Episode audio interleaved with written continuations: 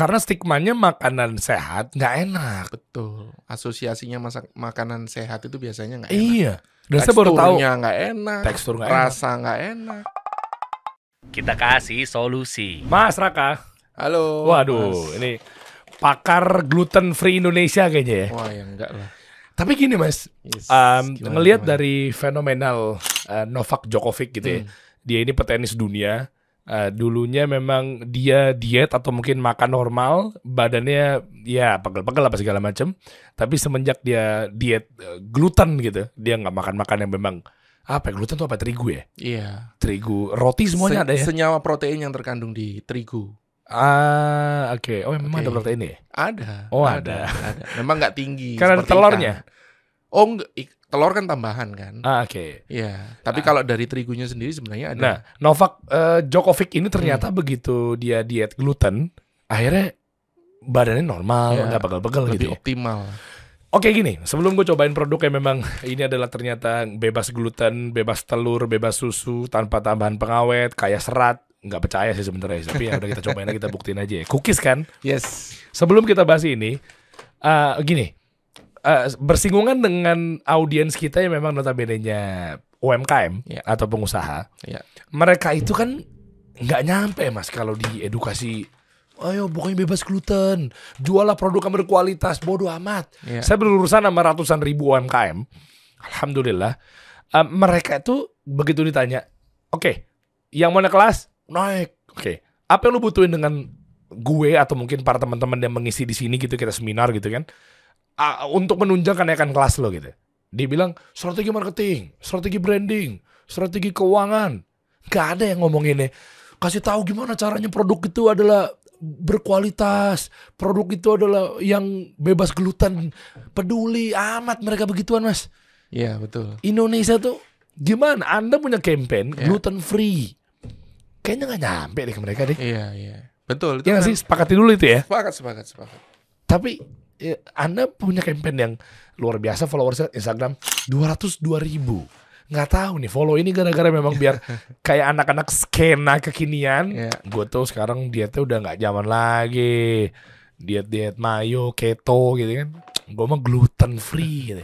Ya mungkin buat di tongkrongan kelihatannya asik sih memang. Tapi mereka suruh dagang. Kos mas kalau bebas gluten tuh apa coba kira-kira? Penggantinya terigu apa? Penggantinya terigu macam-macam ya. Ada tepung tapioka, tepung eh, apa namanya singkong, ada tepung umbi-umbian yang lain, sagu, eh, ganyong, beras, eh, jagung juga, macam-macam sebenarnya. Dan semua ada di Indonesia tuh. Singkong dijual palingan keripik, Iya, tape, tape, payem, jual murah, nggak Iya. bisa jual mahal. betul betul. Bretol, Iya, Mako, iya. Holland Bakery. Mereka bebas gluten nggak? Enggak. Enggak. Sebelum dijawab, Iya, kita bahas dulu ya. boleh. Ya, Mat. Ini mie tanpa terigu.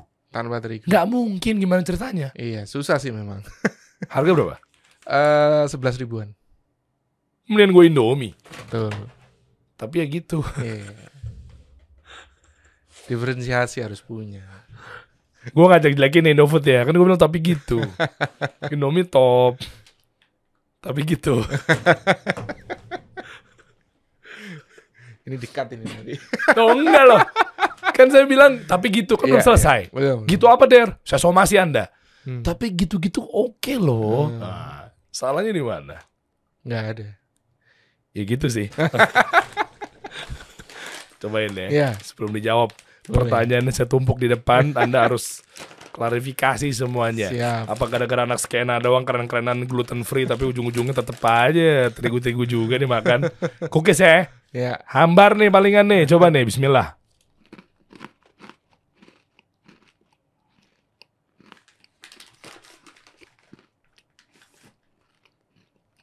Pertama terigu kali. nih, terigu nih. Pertama kali ngerasain kan? Ya. Kerasa singkongnya nggak? Nggak ada. Aroma singkong? Terigu ini mah. Hmm. Berarti berhasil ya kita bikin Mas Dery makan singkong nih.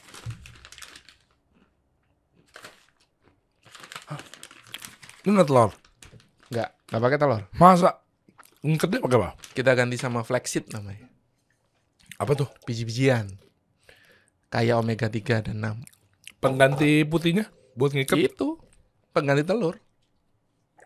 Flaxseed namanya. Apaan tuh? Ya memang nggak umum, memang nggak umum. Dan memang eh, kebetulan memang yang flaxseed ini nggak ada di Indonesia. Tapi itu biji-bijian itu punya fungsi mirip seperti telur. Eh kok enak sih? Ingredients. Ntar gue cek dulu nih. Ini ada nih paling lemaknya 6. Kalori 100. Dari mana eh, kalorinya? Energi lemak. Lemak jenuh. Sama apa lagi? 5 3 5 nya apa? Nggak kelihatan. Kelihatan. Soalnya kacamata Verkudara ini bikin mata kita ini bener-bener langsung celong gitu. ya. Oke, lemak trans. Zero trans fat. Heeh, zero lemak tidak jenuh satu oh, kecil-kecil semua ya Kita nggak pakai Oh. apa margarin, butter, pakainya minyak kelapa itu. karbo mana karbo oh tuh 12 gram sodium 15 Wih. bisa kecil begini ya terutama yang yang lemak-lemakan ya Iya. nol nol nol Iya, seratnya tuh, mana serat fibernya. mana fiber fiber mana sih mana sih nggak ada Ada. Dietary fiber, kok ada serat larut. Di mana sih Coba lihat. oh ada Ah, serat pangan Iya. satu gram 4 persen hmm. Gula 3 gram. Biasanya berapa nih gula ya? Ya bisa 6. Gula pasir. Kita nggak pakai gula pasir, gula Enggak, yang 6 tuh gula pasir. Iya. Jadi tergantung komposisi. Garam. Kita nggak pakai garam. Aku bisa begini rasanya. Tanpa gula. Eh, iya benar. Gula Ta- kelapa. oh, oh, gula kelapa. Tapi emang mereka peduli ya begitu-begitu ya? Ya untuk segmen market kita iya. Market siapa? Ya memang niche sih, tapi growing Dari tahun berapa? dari 2013. Oh, boleh coba ceritain mas. Gimana sih ceritanya awalnya nih? Kok kepikiran gluten free? Memang ada yang kena penyakit itu atau gimana? Misalnya Enggak. cancer biasanya tuh. Kebanyakan gini, Diabetes. orang yang nggak boleh makan gluten, ah, orang memiliki kebutuhan khusus. anak berkebutuhan khusus, Heeh. autoimun, Autis? autis, Oke. ya Oke, terus kalau makan gluten kebanyakan, meskipun ada didukung sama faktor-faktor lain untuk penyakit ya, Ya. biasanya yang mana? Penyakit apa aja? Cancer. Ya ada diabetes, cancer, terus kemudian eh, apa autoimun, ya, terus ya orang-orang yang memang punya namanya celiac disease, punya alergi alergi terhadap gluten. Nah itu prosentasenya kecil karena nggak nggak ada yang mendeteksi sebenarnya. Oke. Hmm, Cuma gini ya Mas, Bas dari awal ya. hmm. Nggak peduli kayaknya deh masyarakat deh. Taunya enak karena stigmanya makanan sehat nggak enak. Betul. Asosiasinya masak makanan sehat itu biasanya nggak enak. Iya. Dan saya baru tahu nggak enak, tekstur nggak enak. rasa nggak enak. Dan saya baru tahu ternyata loh kok sama aja. Hmm. Nggak bisa Tapi ada nggak kan? tipu-tipu kan? Enggak lah. Hah? Ada Enggak Bepom nggak? Bepom ya? Ada dong di depan. Mana Bepom? MUI mana? Oh iya. Iya. Oh iya betul. Loh, ini produksinya pabrik sendiri? Iya. Bukan Maklon. Enggak, kita bikin sendiri. Oh iya. Tepungnya kita bikin sendiri. Oh. Ambil dari apa supplier singkong, kita proses jadi tepung. Cuman tepungnya beda, ada fermentasi di situ. Makanya bisa bikin cookies. Oh, coba deh Mas, awalnya gimana sih? Tadi belum kejawab tuh. Coba. Iya. Yuk, kita mulai 10 ya. tahun yang lalu nih ceritanya. Bol. Oke, ini berarti Iya. tangan pertama nih ya. Iya. Ladang 5 ya. Iya. 200 ribu juga dari 10 tahun lalu tuh followers tuh. Ya, beli, enggak beli, lah, beli. Enggak lah, enggak lah. Oke. Ya, kita start 2013 ya. Hmm. Start 2013, uh, background saya sendiri sebenarnya punya agency design. Branding agency karena pendidikan kan di graphic design. Oke. 2009 kemudian mulai eh fokus ke sini. Salah satunya alasannya ya ada beberapa klien yang kita handle uh, produk makanan gitu. Eh, sempat ngobrol sama ownernya, lihat proses dan sebagainya. Waktu itu produk sarden, ikan. Ya. Ikan sehat ya. Sehat lah. Sehat. Itu juga asumsi saya pada saat ngobrol sama dia. Saya tanya, eh enak ya Pak ya, anaknya makan ikan terus tiap hari karena makan sarden tuh, Ya. makan eh, ikan kalengan tuh. Tahu tahu. Ya. Nah, ya dia dia ngomong entah dia jawabnya ya saya yakin sih jawabnya memang apa adanya ya. Oh, saya ngasihnya cuma sebulan sekali sih biasanya. Hah, kenapa? Setelah lihat proses dan sebagainya, ikannya mungkin sehat ya. Tapi kan di situ ada eh, bumbu dan lain sebagainya. Mungkin ada ada ada ingredient di sana yang mungkin nggak nggak nggak baik lah untuk dikonsumsi setiap hari atau terlalu banyak dan sebagainya seperti itu. Ikannya sendiri sehat.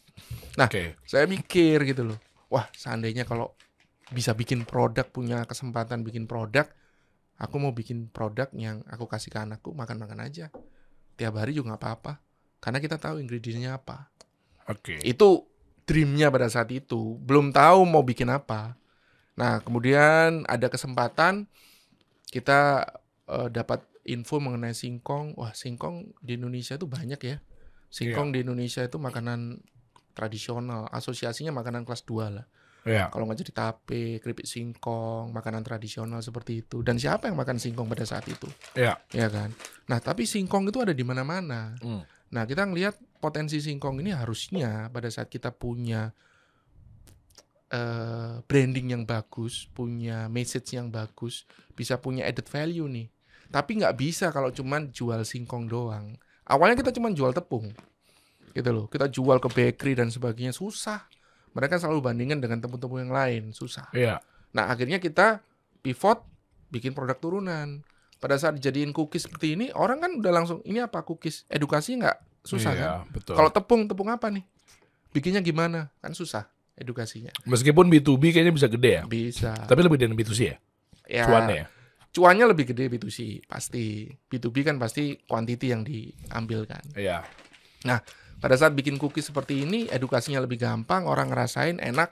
Iya. Karena kita punya prinsip bikin produk sehat itu harus enak. Makanya rasa nomor satu. Gitu loh. Oke. Ya, karena kita tahu lah ya, namanya produk sehat itu biasanya nggak enak. Makanya kita selalu bikin dan kita berusaha sebisa mungkin orang nggak tahu itu singkong. Tapi biaya produksi bukan naik ya. Tapi ini beneran enak loh. Tadi gue makan-makan di mulu. Iya bener. Tapi kan pengganti gula hasil. Ya, Pengganti salah satu deh. ya. Pengganti gluten. Eh pengganti gluten. Eh bener pengganti gluten. Eh tepung singkong. Tepung Mahalan tapio- mana? Tapioka sama terigu. Masih masih lebih murah terigu. Nah kan. Masih lebih murah terigu. Kita adu ya. Kita jangan mikirin kesehatan dulu deh bentar. Hmm. Kita mikirin produk halalnya aja. Tapi jangan mikirin kesehatan dulu. Ya, Oke? Ya. Kan semuanya halal semua. Ya. Oke? Pengganti telur. flexit. Mahalan mana? Hitung kiloan. Iya, mahalan flexit. Tuh. Pengganti susu. Kita nggak pakai di situ. Kita nggak iya. pakai dairy.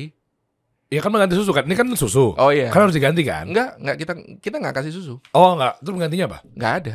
Memang nggak ada Oh, dairy ada. produknya di Oh, situ. Oke. Heeh. Ya masih bisa bertahan deh. Soalnya kan kalau susu ada kos. Iya. Jadi imbang nih. Ya, ya. Tambahan bahan pengawet. Biasanya apa sih? Ya untuk bisa lifetime-nya lama itu Iya. kan memang harus dikasih kayak Boraks. itu tuh Oh pengawet tuh nggak harus boraks ya. Iya. Sorry, sorry, sorry. antioksidan dan sebagainya lah. Ah, Ya eh, chemical seperti itu. Nah, agar Hmm. bisa lifetime-nya bisa lebih lama. malan mana?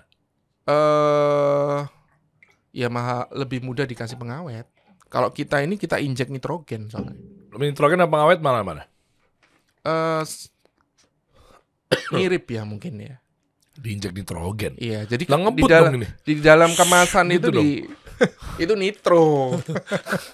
Sama sih nitrogen. Sama lah. Iya, iya betul betul. Oke, gimana? Gimana? Ya, jadi kita injek nitrogen, terus di Ah. dalamnya itu ada kayak eh, kayak namanya desiken. Desiken itu meng- menghisap eh, apa namanya O2, oksigen. Ya udah oke lah, gue nggak Ya. paham tuh. Penting Nah. mahalan mana? Ya mahalan ini, Hmm. Serat. Yang, yang tanpa pengawet. Ya udah, serat. Biasanya mereka kalau nggak pakai serat apa? Gandum. Eh, Eh. terigunya sendiri sudah ada serat, cuman kita lebih lebih kaya. Pengembang pakai apa?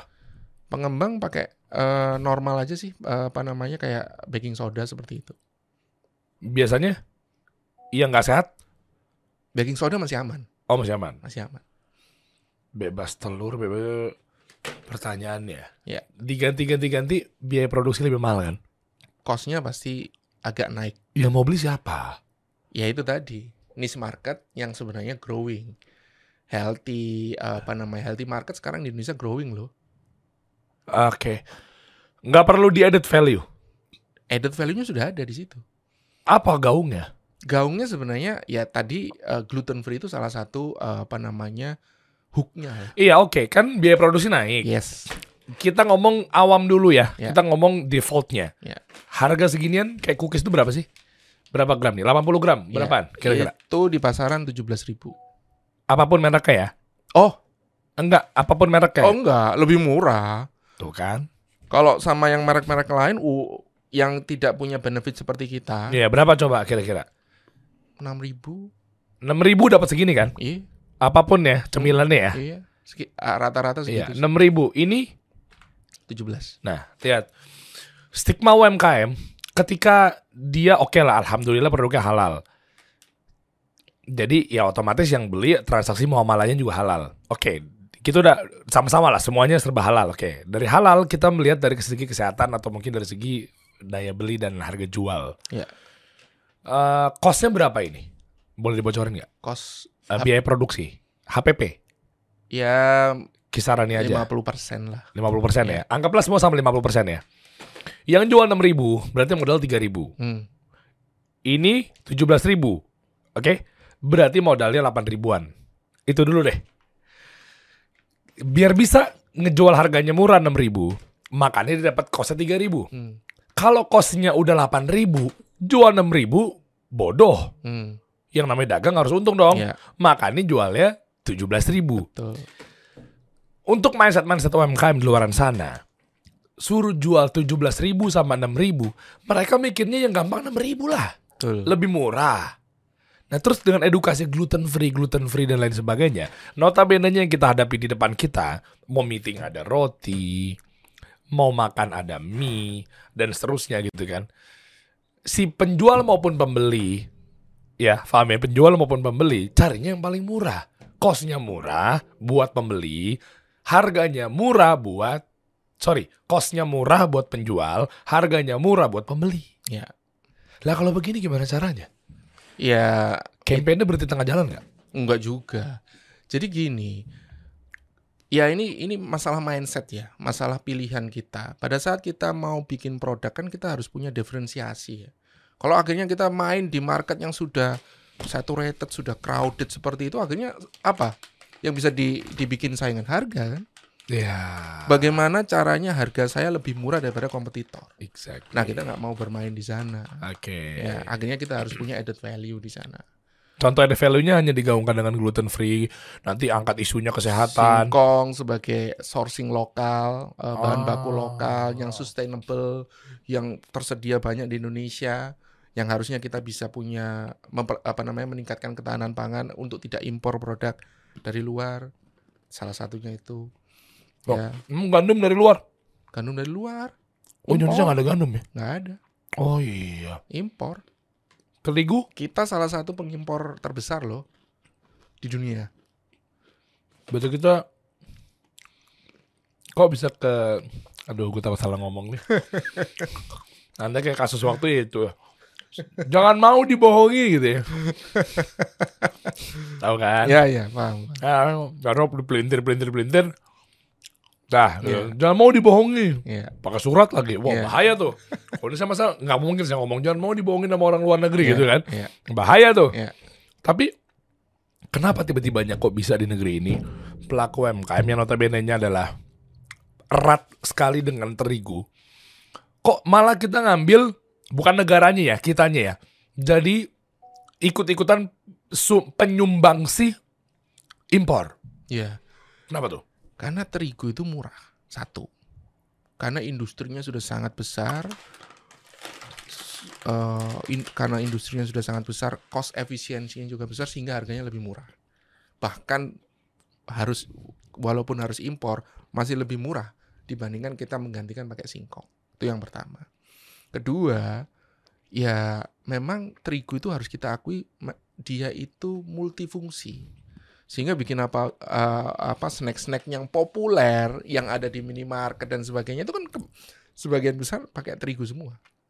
Ya kan? Kita bukan anti terigu ya, tapi eh, dengan kita punya alternatif bahan baku yang kita bisa replace nih. Biasanya snack-snack yang menggunakan terigu, menggunakan eh, singkong, nggak harusnya jadi lebih baik dong. Buat Indonesia juga lebih baik. Dari sisi konsumennya juga yang mengkonsumsi juga jadi lebih baik. Berarti bagus dong, lebih baik dong cemilan-cemilan. Iya. Snack, ciki-cikian yang pakai singkong. Kenapa orang tua kita Tergantung, ngelarang? Kenapa tergantung orang tua kita prosesnya. ngelarang? Tergantung prosesnya. Kan dia pakai singkong, dibilangnya pakai singkong tuh. Yes. Tapi singkong itu kan macam-macam ya. Ada yang diolah jadi tepung tapioka. Tapioka tahu ya? Tahu. Tapioka dari singkong. nggak? Boba, boba. Ya. Tapi tapioka itu hanya patinya singkong. Pati itu maksudnya apa ya? Jadi sari patinya diperes, Oh. singkong itu diperes, nanti jadi apa? Ya. eh, Kayak bubur. Udah gak ada nutrisinya dong. Ya karbohidrat doang. Boba-bobaan tuh. Iya, karbohidrat aja. Oke. Ya. Nah, sedangkan kita itu pakai seluruh singkong. Makanya ada serat, ada mineral, ya ada nutrisi yang lain. Lebih baik. Seperti itu. Tapi gini mas bro, Yes. eh apa iya langsung kanker? Apa iya langsung sakit? Apa iya kalau pengkonsumsi eh terigu penyakit pasti apalah misalnya bermasalah lah organ-organ tubuh kita. Enggak Misalnya lah. pankreasnya kena, hatinya bermasalah, masa begitu? Enggak lah, kita nggak mau klaim seperti Ah, itu oke. karena faktor kesehatan masing-masing orang kan beda-beda ya. Ah, Mungkin, Oke. mungkin dari gaya hidup, ya lifestyle-nya dia mungkin tidur sering bergadang lah, minuman kan kita juga bisa atur. Mereka minumnya banyak eh, gulanya, terus makanan apakah mereka makanan semua eh, apa namanya bernutrisi, seimbang, bervariasi kan kita nggak tahu, ya kan. Jadi faktornya macam-macam. Cuman yang kita selalu angkat memang adalah produk ini lebih baik itu aja. Oke. Ya lebih baik lah. Ya kita nggak nggak nggak bilang kita sempurna produknya lebih lebih apa namanya harus makan ini nggak boleh makan enggak. Tapi kita sebagai apa namanya orang Indonesia nih ya kita bicara ini banyak loh bahan baku lokal yang harusnya bisa dimanfaatkan. Nah mindsetnya UMKM harus harus bisa seperti itu gitu loh. Sehingga bahan baku lokal ini pada saat dijadikan produk yang yang punya added value itu value-nya lebih tinggi udah nggak bisa bermain lagi di low end market yang sudah crowded banget sama brand-brand besar. Seperti itu. Oh jadi brand besar udah pasti gluten. Kenapa? Brand besar udah pasti gluten. Ya pasti dia pakai pakai ingredients yang lebih murah dong. Salah satunya ya pasti terigu. Padahal udah besar ya, kenapa nggak dinaikin ya? Ya itu kan pilihan, Ah, Oke. ya kan? Tapi kalau ada yang bilang gini gimana? Dia makan mie instan yang tentunya yang mungkin dengan tepung-tepung dan lain sebagainya ya, yang dengan ya begitulah. Umur apa 90 tahun tuh? Ah. Gimana tuh jawabnya? Ya faktornya kan macam-macam. Jadi kita nggak bisa bilang oh dia hidup lebih lama gara-gara gluten eh, apa gluten free. Oh, oke. nggak bisa dong. Ya ternyata oke dia eh, tetap makan gluten tapi makannya diatur. Lebih aktivitasnya lebih banyak. Berarti boleh dong sebenarnya gluten. Ya sebenarnya sebenarnya eh, kita nggak bisa bicara oh ini nggak boleh ya. Sa- Hah. Kita kita bukan obat ya. Ah, Kita Oke. makanan. Nah, ini ini poinnya tuh. Iya kita bukan obat. Kita makanan. Ya kalau kamu pengen punya eh, apa namanya eh, nutrisi yang lebih baik, ya kondisi badan apa namanya kehidupannya lebih baik, ya konsumsi makanan yang nutrisinya bagus dong. Konsumsi makanan yang memang eh, eh, cocok untuk apa namanya kebutuhan nutrisi tubuh. Kan seperti itu. Hmm. Nah, selebihnya kan faktornya macam-macam. Nah, kita memberikan alternatif di sana Hmm. bahwa produk kita ya memang berbeda. Satu jadi jelas berbeda dari ingredient udah berbeda. Kedua benefitnya juga berbeda. Nah, itu diferensiasi yang kita bangun. Oke.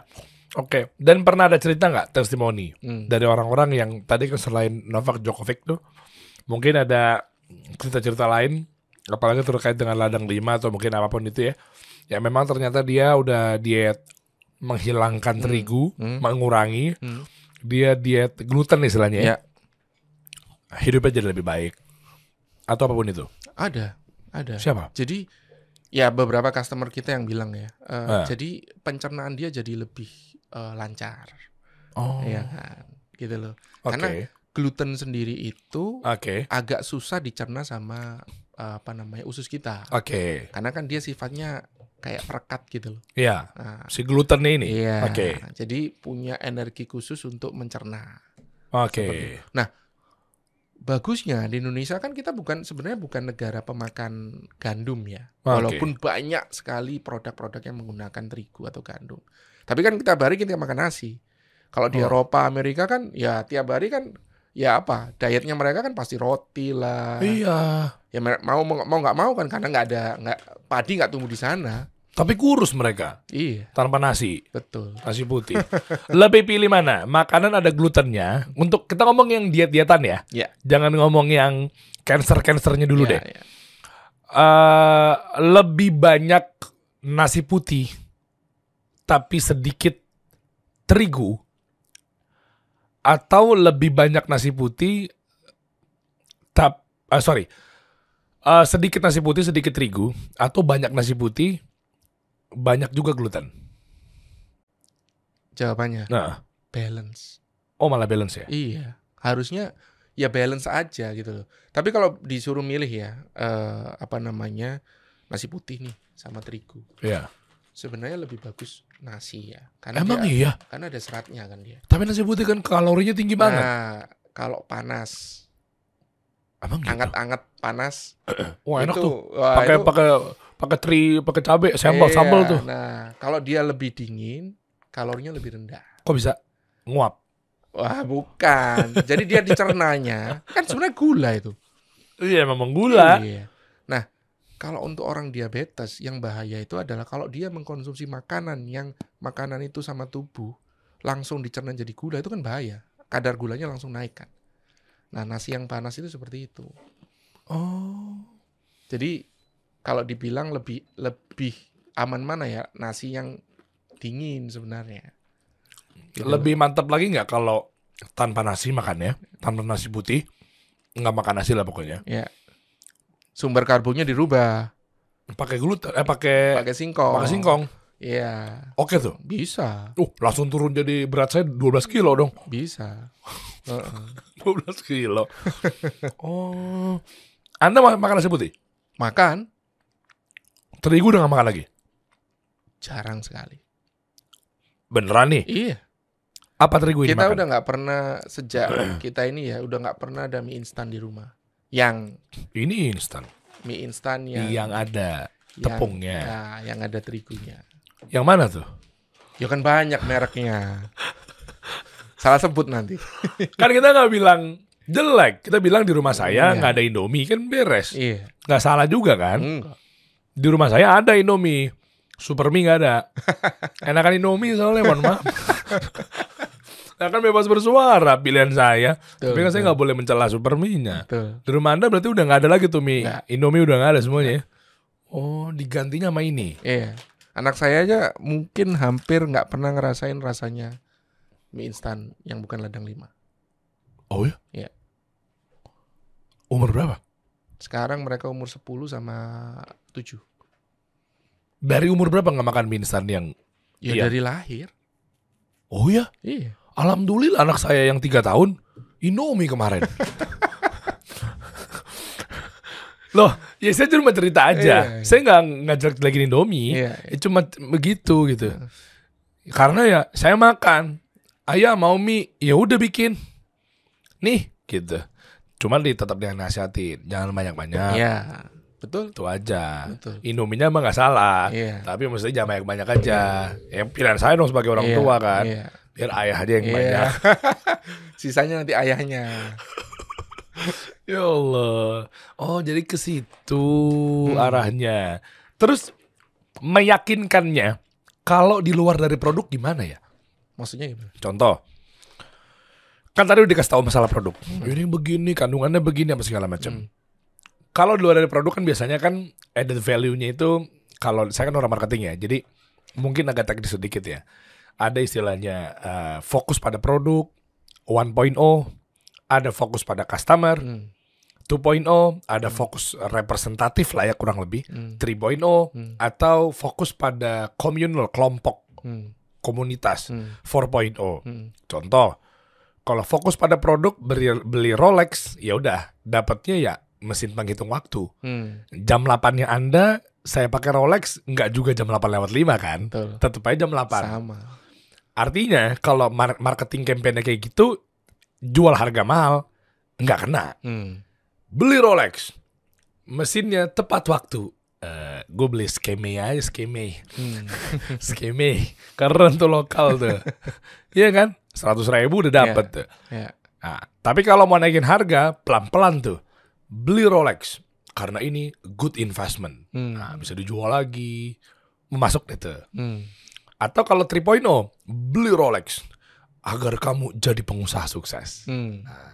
Jadi siapa? Hmm. Beli Rolex 4.0 biar kamu diterima di golongan orang-orang startup, orang-orang penanam saham, orang-orang yang nongkrong di SCBD. Hmm. Jadi kayak gitu kan? Lah kalau gini gimana? Kalau produk tadi kan udah jelasin. Ya. Kalau 2.0 ke atas gimana? Ya sebenarnya kita yang ya makanya kalau kita cuma jual produk ya Hmm. akhirnya ya produk orang disuruh milih 10 jenis produk ya mungkin benefitnya ada yang bagus, ada itu. yang jelek, ada yang sama. Cari aja yang paling murah ya? Apa? Emosional kan? Iya. Akhirnya ya kita harus bangun story sebenarnya. Ah. Ya kan? Story yang kita bangun. Kenapa sih kita eksis? Ladang lima ini eksis kenapa? Bukan cuma sekedar bikin bikin bikin produk, bikin pabrik, terus jualan, terus eh, perusahaannya naik, eh, tumbuh, untung dan sebagainya. Bukan itu kan? Iya. Nah, kita punya punya tujuan gitu loh. Kita punya Oke. goal di sini. Nah, itu yang kita selalu berusaha ya, berusaha di dalam proses branding kita untuk sampaikan seperti itu. Wah, setuju. Iya. Eh, saya melihat Anda tadi ngomong seperti itu berarti bukan lagi unique selling proposition, Hmm. tapi unique story proposition. Kalau saya nangkep ya, Ya, ya. karena story-nya dibangun bahwa eh, ini adalah betul-betul bisa meningkatkan eh, nilai ekspor negara kita, bukan impor melulu gitu kan. Ada petani-petani singkong yang betul-betul mereka memperharum nama bangsa kita, berdagang, eh berdagang, bercocok tanam Hmm. pagi, siang, malam dan seterusnya sehingga eh, produk-produknya jadi keangkat tuh value-nya. Ya. Apalagi kira-kira story-nya? Kalau saya sih sebenarnya kita itu Indonesia harus mandiri secara pangan. Wah, keren. Iya kan? Iya. Kalau kita bisa mencukupi kebutuhan pangan kita sendiri tanpa Iya. tergantung betul. dari ingredient atau produk luar, lebih bagus nggak? Bagus. Iya kan? Ush. Pertahanan itu nggak cuman kita beli tank banyak, pesawat banyak, tentara dilatih dan sebagainya. Tapi kalau nggak ada yang pangan, pangannya nggak ada, mau dikasih makan apa Ush. tuh tentara? Ya kan? Nah kalau kita mengusahakan sendiri, pemerintah, masyarakat, ini kan butuh peran serta mereka kan. Pemerintah Iya. mendukung nih melalui kebijakan. Masyarakat, oh ya saya akan bangga beli produk lokal. Hidup nggak UKM, UKM-nya? Berarti harus bu- berarti ketika saya misal Iya. menjadi menteri UMKM, Ya. saya harus gerakin lokal 2024 ya?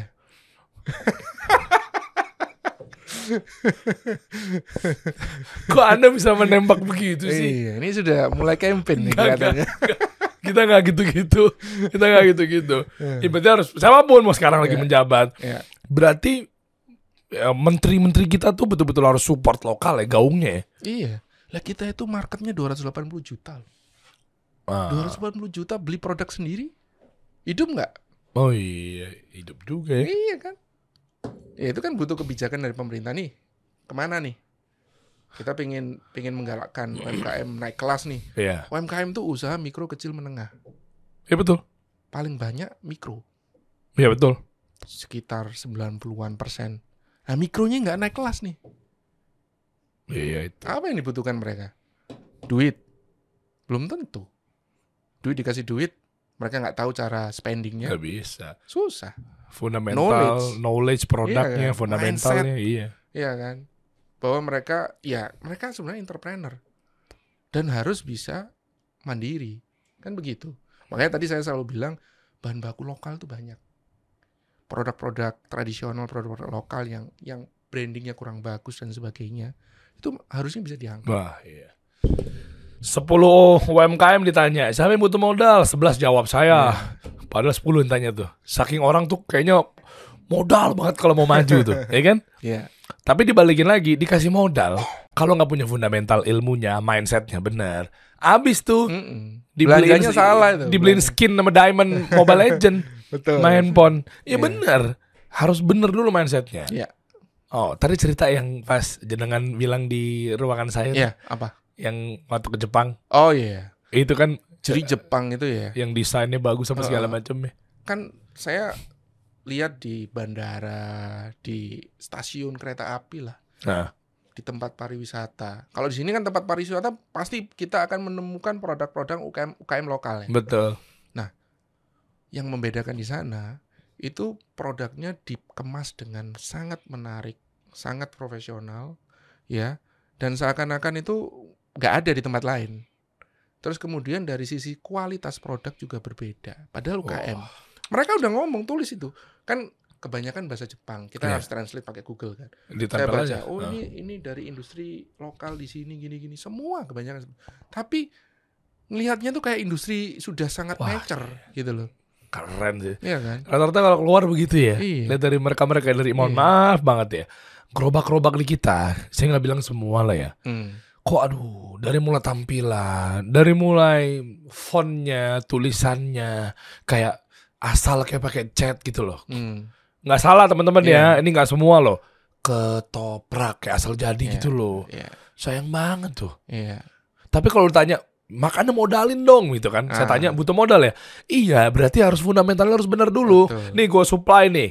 Misalnya saya punya kebijakan, misal gitu ya. Ya udah nih saya kasih duit 10 juta per gerobak Hmm. UMKM untuk hidup. Hmm.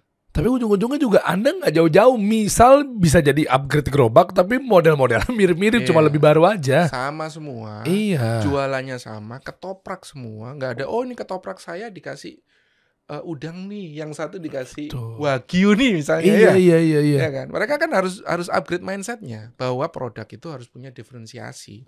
Nggak bisa satu deret jalan jualan ketoprak semua.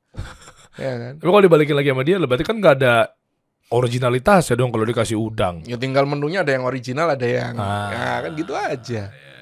Kemasan, warna, macam-macam sih. Iya, iya, iya. Itu iya. branding. Iya, benar, benar. Nah, Nah itu tuh harus memang mindset tuh harus banyak ngobrol sama orang-orang branding sih Iya, sebetulnya. betul.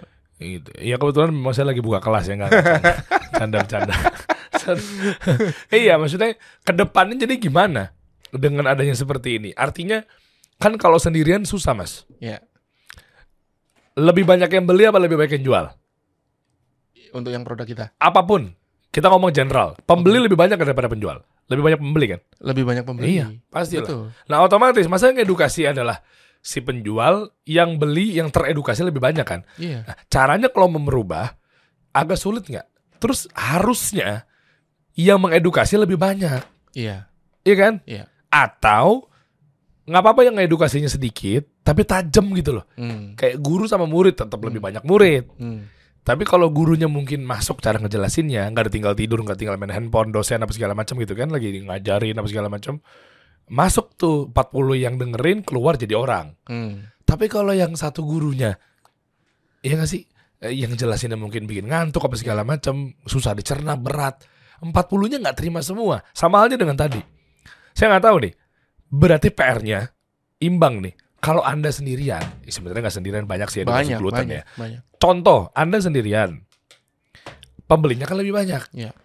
Nah terus kalau yang misalnya PR itu adalah anda nggak paham, nggak mantap jelasinnya, mereka peduli amat mas, Iya. bodoh amat gitu Iya. pastinya. Iya. Iya nggak sih? Iya. Betul. A- atau yang kayak anda nih banyak minimal uh gerak nih uh movement nih gluten free mungkin bisa gimana caranya Jadi saya cerita ya 10 tahun yang lalu. Iya Kita bisa dibilang pionir produk gluten free di Indonesia sebenarnya, berbasis singkong. Ya. wow Mungkin kalau bisa dibilang yang produksi singkong, tepung singkong dan produk pure gluten free konsisten 10 tahun. Ya, mungkin kita. Ya. Nah, pada saat kita mulai nggak ada yang main. oh, iya Susah nggak?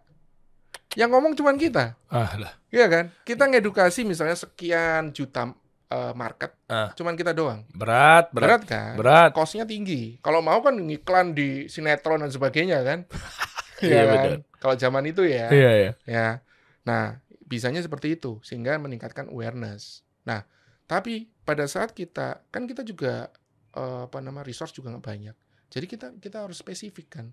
Kita kita mainnya gerilya dari komunitas satu, komunitas kedua, cooking demo yang yang punya apa namanya awareness mengenai kesehatan kita deketi, komunitas yang seperti itu kita masuki dan sebagainya. Pelan-pelan marketnya terbentuk. Brand yang lain muncul pada saat awal saya melihat wah sudah banyak kompetitor ya saya juga takut awalnya tetapi saya akhirnya punya pemahaman bahwa banyak kompetitor selama kompetitornya kita kita itu selalu maju nggak ada masalah Justru memperkaya industri. iya kenapa Ah. yang ngomong gluten free bukan kita doang Iya. nah nanti kan tinggal mereka kenapa harus beli produk kita nah itu yang harus kita bangun gitu loh Hmm, ini Iya, mindsetnya bener nih. brandingnya seperti apa Iya, karena kalau industrinya naik, kita ter pun terbantukan Iya. gitu loh. yang ngomong kan bukan kita doang Nih, Iya, maaf kan? maaf kata nih ya. Gojek bisa sukses. Yang pertama atas izin Allah. Hmm. Yang kedua ikhtiarnya karena ada Grab. Betul. Begitupun sebaliknya. Iya. Coba kalau tiba-tiba satu pionir, orang lihat entah dulu kali ya. ada pilihan. Iya kan nggak ada pilihan kan? Akhirnya Gojeknya juga nggak tumbuh kan? Eh, iya, Karena nggak ada kompetitor. betul. Apa nih pembeda pembeda saya dengan Grab apa? Akhirnya mau nggak mau Ah. mereka memunculkan produk-produk yang berbeda. Soalnya kalau Iya. satu yang main, kita tuh ada rasa was-was. Tak dulu kali ya, gue pangkalan aja deh. Iya.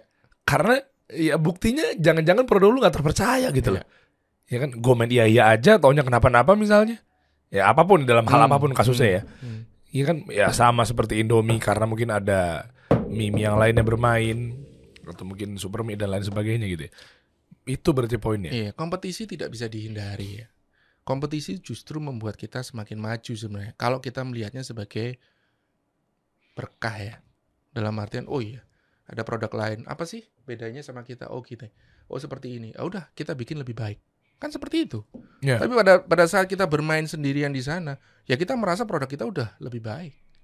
Nggak ada yang ngalahin. Ya kan? Tapi pada saat Iya. ada kompetitor, Iya betul. akhirnya kita jadi lebih maju sebenarnya begitu. Coba kita lihat ya sosial medianya. Gluten free food ladang 5. Ke bawah. Yang paling banyak isunya apa di sini? Bikin risol cuma 5 menit. Wah, minyak dong. resep-resep. Ini Oh. kan daily daily resep di apa namanya rumah tangga kan seperti itu. Ah, iya iya iya. Enak nih. Nggak fokus ju- nggak fokus jualan produk, Iya.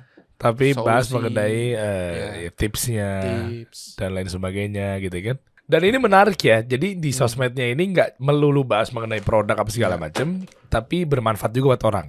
Apakah itu bagian dari strategi ngumpulin market? Iya, sekarang kita nggak bisa cuman hard selling doang ya. Iya.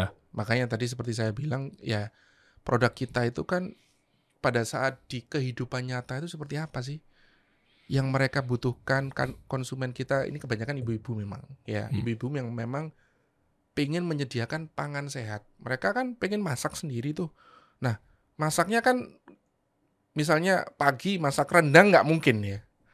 Ya, Bisa aja ya, kalau kalau pakai instan. Iya. Iya kan? Tapi kan itu. sekarang dengan ada bumbu dan sebagainya kan akhirnya masak rendang bisa lebih cepat nih misalnya. Iya. Nah sama juga dengan ini, mereka pengen menyajikan pangan sehat untuk keluarganya, tapi nggak mau ribet. Nah kita beberapa produk kayak premix dan sebagainya, udah kamu nggak perlu campur dan sebagainya. Kita kasih tipsnya nih. Ini loh, kalau kamu biasanya goreng tempe goreng pakai apa namanya produk yang ada MSG atau Ya. pakai menggunakan terigu, ya ini punya kita ada penggantinya. Ah, oke. Sama dengan yang produk eh, yang yang yang tadi sama.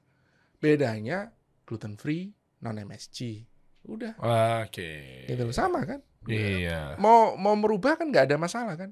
Cuman merubah produknya aja. Ah. Ta- caranya sama. Tapi kan ada yang bilang MSG katanya nggak apa-apa. Saya kemarin lihat postingan dokter katanya selama ini kena mitos bahwa MSG itu siapa yang bilang ini adalah apa bikin lemot lah, bikin apalah. Gimana sih? Ya. MSG. Kalau dari kita memang dari awal ya dari awal memang kita yang artificial eh, apa namanya rasa itu berusaha kita kurangi. Jadi Kalau kita punya premix tepung bumbu, isinya apa? Rempah-rempah. Jadi umaminya itu dari sana. Rasa gurihnya itu dari Oh, sana. Oke. Kaldu ayam juga kaldu ayam yang memang benar-benar kaldu ayam. Makanya saya bilang, ya costnya agak tinggi, tapi marketnya growing. Dan kita nggak bermain di market yang sudah saling bunuh-bunuhan, harga harus lebih murah, promo, diskon dan sebagainya. Nah, tinggal pilihan kita mau main di mana kan begitu. Nah, oke. Iya. Dan ada juga satu mie, nggak usah sebut lah namanya. Khawatir kompetitor Anda gitu ya. Yang warnanya hijau sama kuning ada juga tuh, ya kan? Dia langsung muncul ke permukaan. Berarti working capital atau eh, duit lah.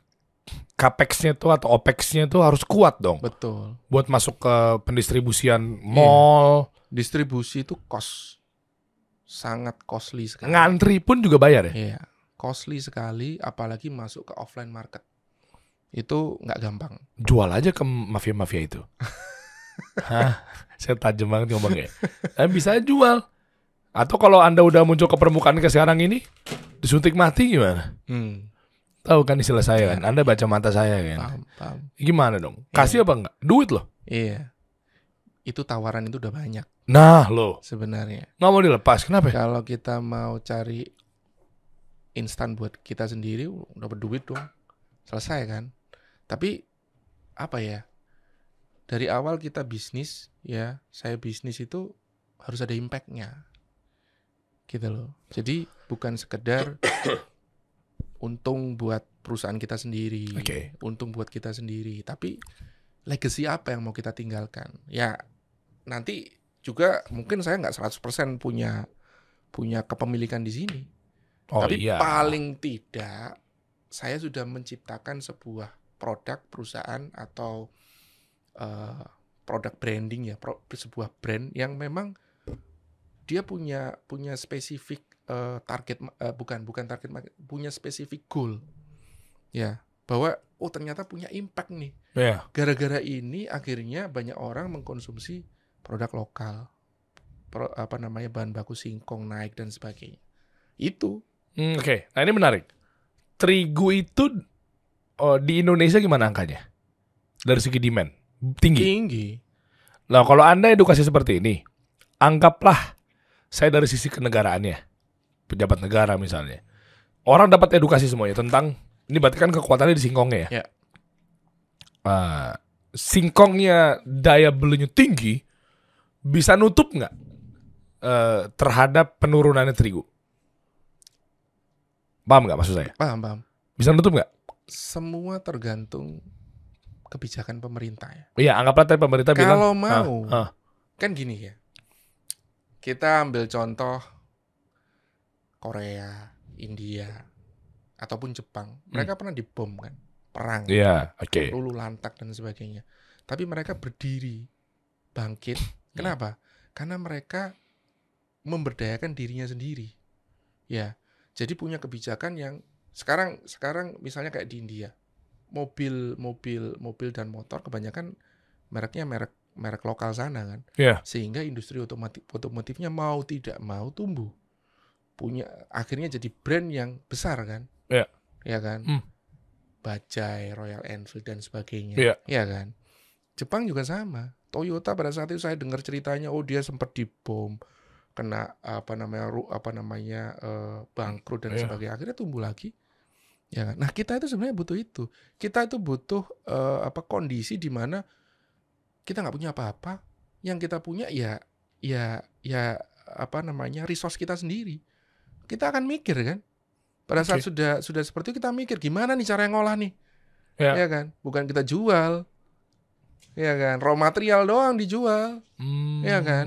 coklat dijual balik lagi ke sini merek merek yang itu yang Ya. mahal padahal coklatnya dari Indonesia Iya, iya, kopi iya. juga sama Iya benar. ya kan kita kan jualnya gitu raw material karena kebetulan kita ini dianugerahi banyak sekali kekayaan alam Iya iya iya. Nah. iya. sedangkan yang di barat sana pintar mengolah pintar memasarkan pintar mendistribusikan dan sebagainya nah kapan kita mau jadi seperti mereka kita udah punya semua kok Wah kita kaya banget Iya sumber kan? daya alam. mau jadi apa? Kita mau ngapain bisa kok sendiri. Nah ini kan kalau tadi skenario nya, oh pemerintah stop menggunakan bahan baku lokal saja, ya bisa. Tapi kan lokal kita belum kuat. Betul. Masalahnya. Betul. Kadang kita harus dipaksa di kondisi yang mau tidak mau kita agak sengsara sedikit, tapi untuk kepentingan jangka panjang. Kan nggak bisa tiba-tiba langsung di switch. Oke, tutup. Enggak, enggak. Saya juga enggak Iya. menyarankan ya. Saya nggak dari segi produknya doang, tapi kan mungkin bukan bukan bukan mungkin lagi dengan adanya impor misalnya. Hmm, Tapi ternyata impor itu malah jadinya bisa memajukan roda perekonomian eh, kita misalnya, hmm. bisa mempertumbuh devisa negara dan lain seterusnya gitu kan. Nah, jadi eh, mungkin kita sebagai awam agak sulit juga kayaknya Mas. Oke, stop impor, go ekspor. Stop thrifting. Ya kan? Nggak bisa nih begini nih. Barang-barang bekas dari luar dari mana nih? Misal. Tapi mungkin lokal kita belum kuat. Jangan-jangan begitu udah di cut, cut, cut. Taunya dalam kita ini akarnya di bawah grassroots juga kayaknya masih loyo gitu loh. Enggak siap menerima Iya. Jadinya yang ada malah perubahan. Iya kan? oh berarti harus cari yang mem- membawa perubahan tuh ya. Iya. Tidak siap menerima perubahan baru. Ya. Oke. Jadi menteri. Siap. Ya tergantung panggilan Pak Presiden. Anda jangan mancing-mancing. Ah, Enggak, saya kasih solusi Bang. iya, iya. Kalau ada boleh lah. ya itu kan permasalahannya Iya. kan. Iya, semua perubahan nggak ada yang nyaman. Iya kan? Hmm. Apa pun itu ya, kita perusahaan pasti kalau mau tumbuh ya pasti harus cari ketidaknyamanan. Cuma kalau program negara ini udah berjalan, udah on track, betul jangan diapa-apain. Iya. Tapi yang masih yang yang bermasalah justru Iya, dibenerin setuju dirubah. lah, setuju itu Iya. sangat setuju sekali. Gitu. Kalau enggak enggak enggak enggak berubah dong, enggak maju dong. Iya, kan iya. begitu. Sama Dan- seperti tadi kebijakan stop. Saya juga nggak setuju. Langsung stop 100% enggak, bertahap. Tapi kan punya roadmap yang jelas. Ah. Ya kan? Apa sih? Nggak cuma sekedar politis. Ya, oh Hmm. saya karena mau terpilih saya punya program yang nanti begini-begini, tapi kenyataannya enggak misalnya. Yang mana tuh? Ya nggak tahu. Kan situ yang diskusi. Ya, ya, ya. Oke, oke. Memang ah, ya kuncinya obrol- obrolan kita ini balik lagi ke lu punya produk Yes. Eh, dengan gaya marketing lo apa pun itu yang penting value-nya lo tambah. Gitu. Jangan begitu kubangan perang harga di bawah tuh jorok banget gitu loh. Iya, iya. Bahaya lo nggak punya sesuatu eh, akhirnya turun ke bawah, di bawah tuh peperangan terjadi Iya, tuh. Betul. Perkara nurunin GoPay aja udah selamat kos Anda tuh di Iya. situ. Tapi kan masa mau begitu sih cara Iya. mainnya? Jangan Itu masuk poinnya. jangan masuk red ocean lah. Nah, kita pindah ke blue. Iya. Iya, itu tuh kayak. Lama-lama blue ocean juga jadi red ocean nantinya. Tapi sabar ya. Iya. Ah, berarti yang warna biru oke tuh ya. Oke, coba kita lihat eh, gimana cara ordernya apa segala macamnya. Mungkin Mas Raka bisa bantu. Ah, nah, jadi gimana sekarang berarti sistemnya tuh kerjasamanya untuk ladang lima sendiri? Kayak apa sih? B2C tok atau memang ada B2B-nya? Atau gimana? nih? Ini GF tuh apa? Gluten free. Oh, gluten free. Oh, ini resep ya? Iya. Jadi teman-teman bisa beli resepnya di sini. Ada ladang resep itu isinya Apa? kumpulan resep semua. Pelatihan. Eh biasanya eh, apa namanya kontributor kita yang bikin resep mereka videoin kemudian Free? taruh- free. Oh, iya? Ada yang free, ada yang berbayar, ada yang cuman kita kasih produk seperti itu. Boleh jelasin nggak? Ini bisnis modelnya gimana sih? Jadi distribusi kita Ah. eh, apa namanya hampir semua channel kita berusaha masuk ya. Tapi awal kita mulai growing itu reseller. Oke. Ya, jadi kenapa? Karena mereka biasanya reseller itu adalah user, Oke. ya kan. Hmm. Kemudian kita tawarin bisnis, Hmm. mereka mau. Trennya pada saat itu Tokped juga naik, Shopee bermunculan, IG juga bermunculan. Itu momentumnya. Mereka jualan jadi lebih mudah, nggak harus punya toko kan? Iya. Ya kan? Nah, reseller naik. Nah, tapi sekarang 2-3 tahun belakangan kita udah mulai masuk ke ekspor, masuk ke offline. Ekspor? Ekspor kita ke US. US beli ini. US yang dibeli pasta, fusilli, makaroni. Oh. Kita kan punya juga tuh. gluten free ya pasti Gluten ya. free. Kayak gimana fotonya? Oh iya. Coba dicek. Oh, ekspor keren. Iya. Dan dan konsumtifnya Amerika pun juga melek sebetulnya. Ya memang angka eh, terigu di sana juga pasti gede karena mereka pasti kan Ya bayangkan, roti bayangkan ya. di negara yang memang sudah sumbernya gandum, masyarakatnya udah mulai berubah. Jadi di supermarketnya mereka itu udah ada satu section khusus gluten free misalnya. Oh, ngerti. Iya. Kita yang bukan gandum di negara kita kok capek-capek Iya. ngimpor. Tuh. Sementara mereka aja yang dasarnya memang ada gandumnya, mereka udah melek mata Iya. gitu loh. Ya, Ah, Iya kan? kenapa gandum kata mereka? Betul. Kan ada yang lebih sehat nih, Iya, misalnya gitu kan. Iya. Nah makanya tadi sama aja dengan kemandirian pangan lah. Nah kita punya res- resource banyak, kenapa nggak kita olah aja? Kenapa nggak kita olah jadi produk yang punya added value? Oh ternyata rasanya juga enak ya. Kenapa Ah. enggak? Kan gitu. Tuh, Pilihan kan? tuh, catat teman-teman. Koniku lapo. Surabaya. Surabaya. Awas kon. Nah, istri, istri kan Surabaya. Surabaya. Oh, iya. Tapi sekarang dia di Solo tuh. Jadi dia ada campur-campurnya gitu lah. iya, makanya Agak kalau- halus kalau Solo. Iya, kalau di rumah tuh kalau udah ngomong Jawa, Surabaya sama ibunya, Heeh. Saya yakin pasti dia lagi ngomongin saya. Tiba-tiba kan begitu kan? Iya, iya. Eh, kon lah apalah kalau Surabaya itu biasanya apa sih? Iya itu. Kon itu kan kamu. Ya Kalau saya- opo. Nah, itu kan. Iya. Saya kok- kalau saya kan kulo lebih tepatnya. Iya, iya. Agak kaget kalau dengar kata kon gitu. Saya tuh nggak pernah ngomong gue lo. Iya, iya. Memang. Tuh aku kamu gitu kalau ngomong sopan gitu kan. Heeh. Apalagi sama ustad-ustad kan, anak, Oh iya. antum gitu, masya Allah. ya. Jadi isinya tuh kalau di sana ada resep boleh dibuka dong, boleh dong, linknya dong, tim, gitu. Eh, kok niku klik link Nah, di Instagram. Kalau ketemu jauh yang halus tuh kasar tuh ya. Iya, kasar. Tapi itu Surabaya, khasnya Surabaya itu. Tuh. Khasnya. Cocote, cocote. Coba klik. coba klik. Ya masuk, coba. Itu Ah. itu link tree ya. Ah, Tapi ah. kalau yang resep beda lagi tuh. Di mana? Nah, ladang resep tuh. Oh, oh banyak banget followersnya. Iya, ini isinya semua resep. Free nggak nih? Free semua. Scroll ke bawah. Coba bawah. Oh, siapa yang kontributor? Macam-macam. Kebanyakan Dibayar? ada yang dibayar, ada yang enggak. Kebanyakan ada yang apa? kita bikin sendiri. Kebanyakan apa? Kebanyakan eh, kita kasih produk, mereka kontribusi. Mereka tuh siapa sih followers? User sebenarnya. Ya followers dong. Ya bisa jadi dibilang follower ya. Nah mereka tuh create resep-resep yang yang kita sendiri itu nggak sadar. Oh ternyata bisa dibikin seperti ini ya. Oh. Di R&D kita, oh bisa ya begini ya. Oke. Gitu loh. Ternyata mereka bisa gitu loh. Jadi kayak pempek ini ada ini Wih. yang Asik. Milo Meal Crepes. Heeh. Uh, ini semuanya gluten free, bro. Pempek, oke. Bisa ternyata ya. pancake pakai apa pancake? Tepung singkong. Kita punya premix ya. Rasanya singkong gak sih kalau kayak gitu? Ya nanti nanti ya. Aku kirimin rasain sendiri.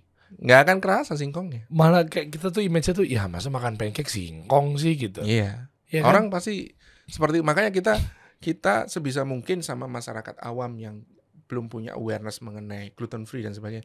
Udah makan aja cookiesnya. Saya nggak saya nggak akan ngomong singkong. Udah enak nggak? Enak. Kamu makan singkong loh nih. Ah, suges. Iya. Iya, iya, iya. iya, Kerasa iya. nggak? Seperti tadi kan, makan akhirnya habis kan? Oh iya. oh iya bener. Iya kan? Makannya cookiesnya gitu ya. Iya. Ah. Secara langsung makan singkong. Iya, tapi saya pernah kayak gitu juga. Makanya cookiesnya dibilang ke ah lu mah bohong singkong. Bener-bener ini yang lu kasih singkong. Oh iya bener sorry sorry. Malah saya kasih singkong beneran. Nggak ngaruh tuh. Iya. Nggak ngaruh tuh. Heeh. Dan semuanya artinya nggak pakai telur. Nggak Wah, mungkin dong. Ada, ada yang pakai telur. Anda bilang katanya Jadi, bebas telur. Kan ini produk kita. Kalau yang Ah. bikin resep-resep seperti ini kan terserah mereka. Mereka ada yang pakai telur, ada yang enggak. Sebenarnya kenapa sih telur tuh nggak boleh? Enggak ada beberapa Kenapa sih? orang yang punya alergi. Kan bagus. Iya, setuju. Terus Iya. Nah, kalau kita bikin seperti ini karena ada beberapa orang yang alergi dan biasanya yang punya alergi terhadap gluten itu biasanya juga punya alergi terhadap telur. Itu apa aja. dampaknya? Gatal. Ya alergi biasanya itu ya, Merah. gatel-gatel ya Oh, biasanya. iya, ya. iya. Nah, Kenapa sih kita gantiin pakai flaxseed? Karena flaxseed itu seratnya tinggi. Satu, dia omega 3 dan 6-nya juga tinggi. Oke. Salah satunya itu. Oke. Ya kan, selain dia bisa gantiin telur, Iya. memang dia punya nutrisi yang berbeda. Oke. Tapi rasa telurnya bisa digantikan sama flaxseed itu. Kalau Kita ngomong telur ya. fungsinya telur sebagai pengikat bisa kita gantikan, rasanya enggak. Tapi kenapa bisa sama? Kan telur itu juga punya peran penting dalam Betul. sebuah Yang ngikat, cookies. ngikat adonan Rasa juga bukan ada. Ada, pasti ada. Iya. Iya. Tapi kan pada saat ngerasain cookies kita kan ya oh ini ada telurnya ada enggak kan ki- kita nggak tahu kadang-kadang. Kecuali memang ada cake yang biasanya telurnya banyak, kerasa lah. Oh ini telurnya banyak sama yang enggak. Kan begitu. Mm-mm. Ya kalau kita kan enggak enggak spesifik oh ini Iya iya iya. harus telur sama enggak kan enggak. Coba kita ukur udah berapa banyak revenue-nya, omset per bulan deh. Lumayan lah.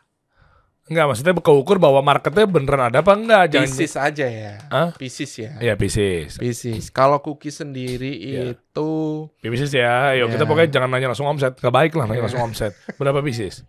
ya ratusan ribu lah. Berapa ratusannya berapa? 500 ke atas. 500 ribu. Ya. Oke. Berapa harganya satu bisnis? Ya nanti dicek di online online store ya. 17 ribu kan? Hah? Macem-macem. Ada yang 28 ribu, ada yang Nah, 17. rata-rata berapa? Rata-rata. Nah, Ya 17 ribu. 17 ribu. Iya. Saya nggak 20 nanya, ribu. saya nggak pernah nanya Tapi omset. kan produknya bukan ini doang. Oh iya iya paham. Tapi 500 ribu itu pieces harganya berapaan? Saya mau orangnya emang nggak pernah mau langsung nanya. Eh omset tuh berapa sih? Nggak ini nggak etis lah. Sama-sama pengusaha-pengusaha kayak begitu gitu kan? Oh tadi 500 ribu. Coba kita cek ya 500 ribu kan? Iya. Eh, rata-rata 20 ribu. Karena ada 28 gitu-gitu kan? Iya. 10 miliar. Belum. Ini kan 500 ribu pieces dikali 20 Tapi kan itu ribu. harga harga yang established di konsumen. Harga yang kita jual ke distributor kan beda. di luar ini. Itu kan harga beli. Oh, potong dong ya. Iya dong. Kan Distributor dapat berapa persen? Potongan-potongan, agen, reseller. Enggak, distributor berapa persen? Ya macam-macam. Ada yang 30, 10, 10. ada yang 15. Kurangin aja. Iya. Miliaran juga sih. Iya. Orang kaya juga Anda ya? Ya enggak juga. Lebih kayak situ. Amin. Apalagi mau campaign. Ayo oke, oke men apaan? Enggak ada. Kalau dipanggil, hey, enggak lah. Oh, oke, oke. Berarti gede juga marketnya ya. Biasanya market-market apa sih anak gym, anak lari gitu ya? Iya. Skena-skena begitu ya. Yang yang yang isinya tuh yang pengen sehat. Itu masih kecil loh. Mas- maksudnya Hah? Ini kan masyarakat Indonesia yang segitu banyaknya, ya. Kalau saya masih bikin lima ratusan ribu masih kecil, gitu loh.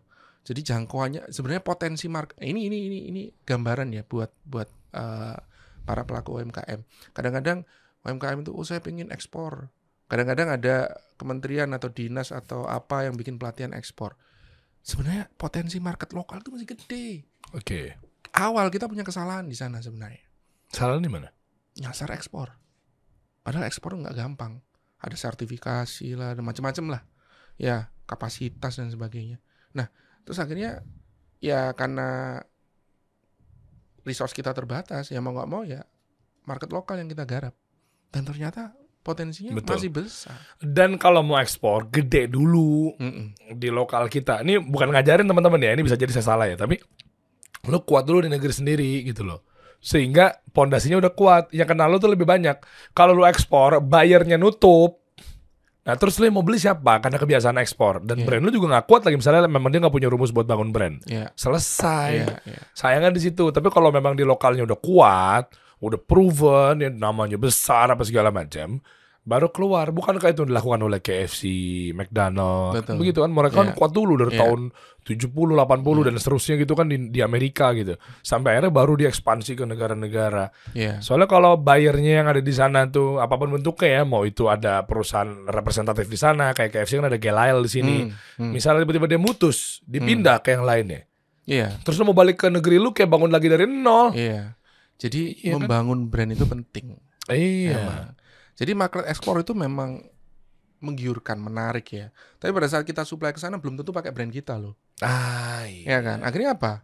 Kan kita jual raw material lagi. Iya, malah Balik ya kan? Iya, Nggak membangun brand padahal yang kita harus bangun sebenarnya brand. itu. Ya itu yang kita lakukan dari sekarang kan itu. Setuju. Oh, pantesan pabrik kan pabrik Anda pabrik sendiri. Hmm. Tapi kalau Anda nggak bangun brand, biasa terima maklon, maklon, maklon, B2C, B2B sama mereka, Hmm. yang bangun brand, yang bangun brand pindah pabrik. Iya, Selesai. selesai. Oh, yang punya brand bukan kita kan. Ah. Kalau mereka udah tahu, oh bikin gini tuh gini ya. Bikin sendiri dong. Ah, itu. Gampang kan? Iya, Iya iya, kan? iya. Wah, keren. Langkah ke depannya terakhir, Mas. Langkah mungkin nasihat buat teman-teman yang yang ingin berjuang. Mungkin yang nonton sekarang kan banyak juga yang brand-brandnya produknya gluten free. Ini banyak ya? Pemainnya udah dicek belum? Datanya berapa? Udah banyak, udah banyak. Ribuan? Lebih? Enggak, enggak sampai ribuan sih. Ratusan? Iya, masih ratusan. Yang yang pemain-pemain gluten free ya? Sebenarnya nggak sampai ratusan, ya. Ya mungkin hampir 100 ya. Iya, oke. Ya, setahu saya brand Yang yang yang muncul ya? Ya, heeh. Ya, mungkin dong kalau ditebar mah pasti Hmm, banyak. hmm, hmm. Cuma yang yang yang yang secara penjualan, Hmm. secara profitable, Hmm. ya paling mungkin ratusan ke bawah lah ya, Hmm, hmm. puluhan ratusan. Mm-mm. Tipsnya apa buat teman-teman semua yang sekarang juga masih kayak, iya ya gue tahu cuma kok gue belum dapet kliknya ya, gitu. Agak susah ya. Soalnya pasti yang mereka tahu, maaf ya, mie instan ya 2000 3000. Ya, Ini berapa? 11 ribu. Tuh. Mereka tahu begitu hadir anggaplah hadir lah amin-aminnya gitu ya di etalase-etalase supermarket gitu. Hmm, hmm, Ketemu ini. Oke. Tuh kan? Noodle. Hmm. Semua juga noodle kan? hmm. Cari deh. Nah, itu maksudnya. Jadi eh, mereka mungkin ada yang bingung, mungkin ada yang buta arah gitu loh. Hmm. Terus ini cookies tadi ada 6 ribu gitu, Hmm. jual 17 ribu, Hmm. yang gitu-gitu loh. Hmm. Terakhir coba. Ya, ini berkaca dari pengalaman ya. Ya. Kalau kita tidak punya tujuan, ya eksistensi itu kita kan ngap- kenapa sih? Ya. Kita mau ngapain sih? Nanti pelan-pelan itu akan diterjemahkan dalam visi misi sebenarnya. Tapi pada saat awal-awal mikirin visi misi nggak mungkin lah. Wong belum jualan visi misi. Visinya kan? mah keren ya, visinya Iya. bingung cara gapai Heeh. visinya gimana ya. Nah, tapi menurut saya yang penting kita punya tujuan yang memang baik. Yang pertama, kedua, diferensiasinya harus punya, ya kan. Dan kita juga harus perhatikan mengenai eh, kalau makanan ya, Iya. kalau makanan itu adalah raw materialnya, ingredientsnya. Apa yang akan membedakan dengan produk yang lain. Kemudian bangunlah story, Wah. Iya kan? ya. Karena itu yang akan membedakan. Pada saat semua dijejer di supermarket etalase kayak gitu, packaging oke lah, packagingnya menarik. Hmm. Tapi kalau awareness story udah terbangun dan lain sebagainya, oh ya aku pilihnya ini nih, brand A nih. Karena aku Hmm. tahu nih mereka ini begini karena begini begini nih. Iya, harganya mahal, tapi dia tuh cocok sama aku. Ini Hmm. emosional banget nih. Oke. Aku se- tuh ya dia. Nah, Nah, seperti eh, apa namanya ladang lima ini, noodle-nya ini story-nya apa? story-nya Ah. karena eh, Indonesia itu adalah salah satu konsumen mie instan nomor dua di dunia. Oh, Oke. Ya, artinya konsumsi gandum atau terigunya gede banget. kan? Oh iya, oke. Ya. Nah, makanya itu kenapa kita mau bikin. Artinya yang makan mie instan di Indonesia itu kan banyak. Ah, Dan kita kan mau kasih alternatif nih. Ada satu mie instan, ya instan sama, Ah, kamu rebus kasih bumbu udah sama. Cuman beda. ah, poinnya di situ. Iya kan? Dia ini buat eh, yang masalah gluten tadi ya. Iya. Bisa menekan angka Iya. cancer misalnya. Iya. Hmm. Nggak ngomong lo ya.